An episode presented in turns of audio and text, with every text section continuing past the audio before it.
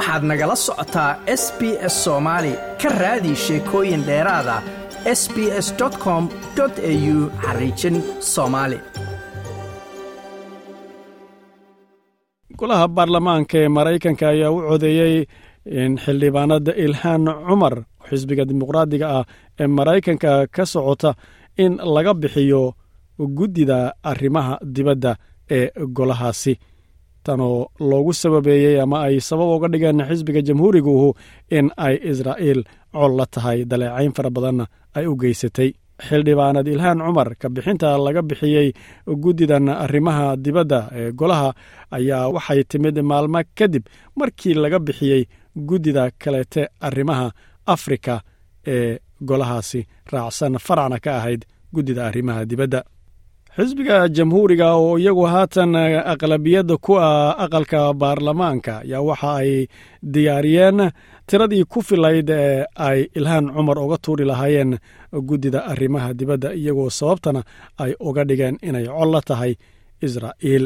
Xildhibaanada dhankeeda ayaa waxa ay ka soo horjeesatay ololahan iyada lagala soo horjeedo iyadoo xildhibaanadu ay tidhi ka hor inta codbixintani ayna dhicin. Waxay tidhi hoggaamintayda iyo codkayguba marnaba hoos uma dhacayaan haddii aan hal wilaayo aan oga maqnaado guddidan. Codkaygu waxa uu noqon doonaa mid sare xoogna leh ayay tidhi. Waxayna intaa ku dartay u codeeya ama ha u codaynina anigu halkan waxaan u joogaa inaan noqdo cod ka soo horjeeda sharka caalamka oo dhan ooguna yeedho in la helo caalam sidan ka wanaagsan. Dhinaca kaleete aqalka cado war ka soo saaray waxa uu sheegay in xildhibaanad ilhaan cumar ixtiraam badan koongareska uu u hayo isagoo aqalku intaa uu ku daray in ay ka cudur daaratay hadalladii ay mar hore wakhti hore ay sheegtay wuxuuna aqalku intaa ku daray in xildhibaanad ilhaan cumar ay aad ugu caddayd arrinta ku saabsan in ay daleecaynayso locolaytanka yahuudda. Sidoo kale warka aqalka ka soo baxay waxaa lagu sheegay inay iyadu aad u caddaysay in maraykanka saaxiibtinimada iyo bahwadaagga uu la leeyahay israa'iilna inay muhiim tahay. Dhankiisa kevin macarthy ayaa kadib codayntaasi waxa uu sheegay in xildhibaanad ilhaan laga bixiyey oo keliya guddida arrimaha dibadda oo iyadu markaasi arrimaha afrikana ay ku jirtay aanse laga bixinin guddiyo kaleete ayuu yidhi. Dhankiisa hogaamiyaha aqaliyadda dimuqraadiga ee golaha baarlamaanka xakiim jeffrey waxa uu ku tilmaamay codayntani inay ahayd codayn aargudasho siyaasadeeda oo laga aargudanayey siyaasiyadda ilhaan cumar khaladadii ay afar sano ka hor samaysay. Waxauna sheegay in arrintaasi mar hore su'aalo laga weydiiyey ayna raalligelinna ka bixisay. Jimcadii horeena dhaaftay ayaa ilhaan cumar sidoo kaleete waxa aqlabiyadda jamhuuriga ee golaha baarlamaanku waxa ay sidoo kale ka bixiyeen guddida arrimaha afrika ee golaha koongareska guddidan ayaa waxa ay waa guddida arrimaha afrikee waxa ay farac ka tahay guddida arrimaha dibadda oo haatan laga saaray. Labadaa guddi ayay ku jirtay middan faraca ee arrimaha afrika iyo guddida guud ee arrimaha dibadda. Guddidaasi ayaa haddaba waxa ay leedahay awoodo fara badan marka la eego arrimaha diblomaasiyadda iyo arrimaha ammaanka qaranka. Waxaana ka mid a awoodaha ay leedahay markii kaalmooyin arrimaha dibadda uu waddanka maraykanku go'aaminayo. Sidoo kaleete awoodda dhanka dagaalka markay timaado ayay awood badan ku leedahay iyo weliba cuqubooyinka marka a la fulinayo. Oo waddanka maraykanku uu cuqubo amaba xayiraado saarayo meelaha qaarkood.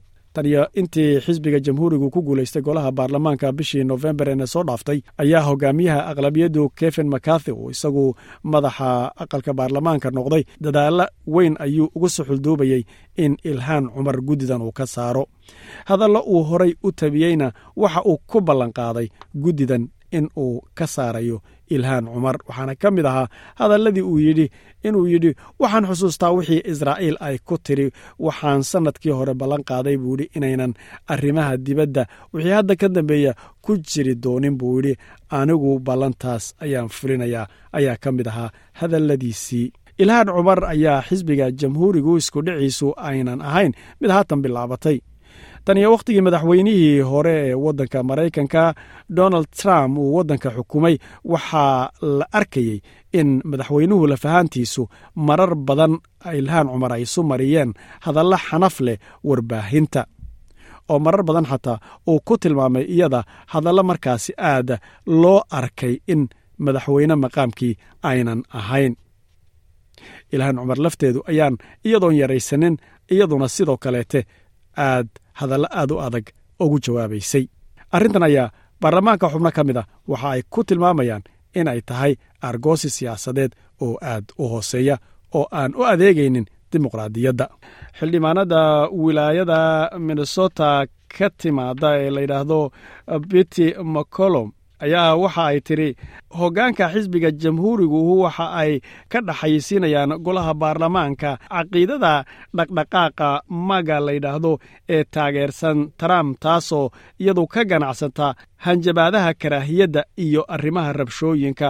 Taasina waxay ku caddahay bay tidhi sida ay u beegsanayaan xildhibaanad ilhaan cumar iyo xildhibaan aadan shimf iyo sidoo kaleete xildhibaan eric swalwell taasoo aaragudasho macno darro ah oo iyadu duminaysa dimuqraadiyadda khatarna ku haysa ammaanka. Waxayna hadalkeeda ku soo gebagabaysay iyadoo tidhi dadka deggan minnesota iyo dhammaanba dadka maraykankuhu arrimaha wax ka fiican ayay astaahilaan. Dhankiisa xildhibaanka hadda ka horna murashax madaxweyne ahaa ninka la yidhaahdo jo wallish la yidhaahdo waxa uu sheegay aad ayaan u taageersanahay buuhi israa'iil waxaana laga yaabaa inaan wax badan aniga iyo ilhaan markay arrintu israa'iil timaaddo inaan isku khilaafsannahay.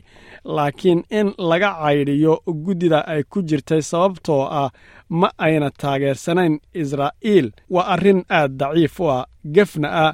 Waxa ayna tahay xaaje uguba oo aad u xun oon horey loo arag buu yidhi wuxuu yidhi isagoo hadalka sii wata jamhuuriyiinta buu yidhi ma waxa ay rumaysan yihiin in qof kasta oo guddidan ku jira in ay waajib ku tahay in waxa ay aaminsan yihiin uu aaminsan yahay.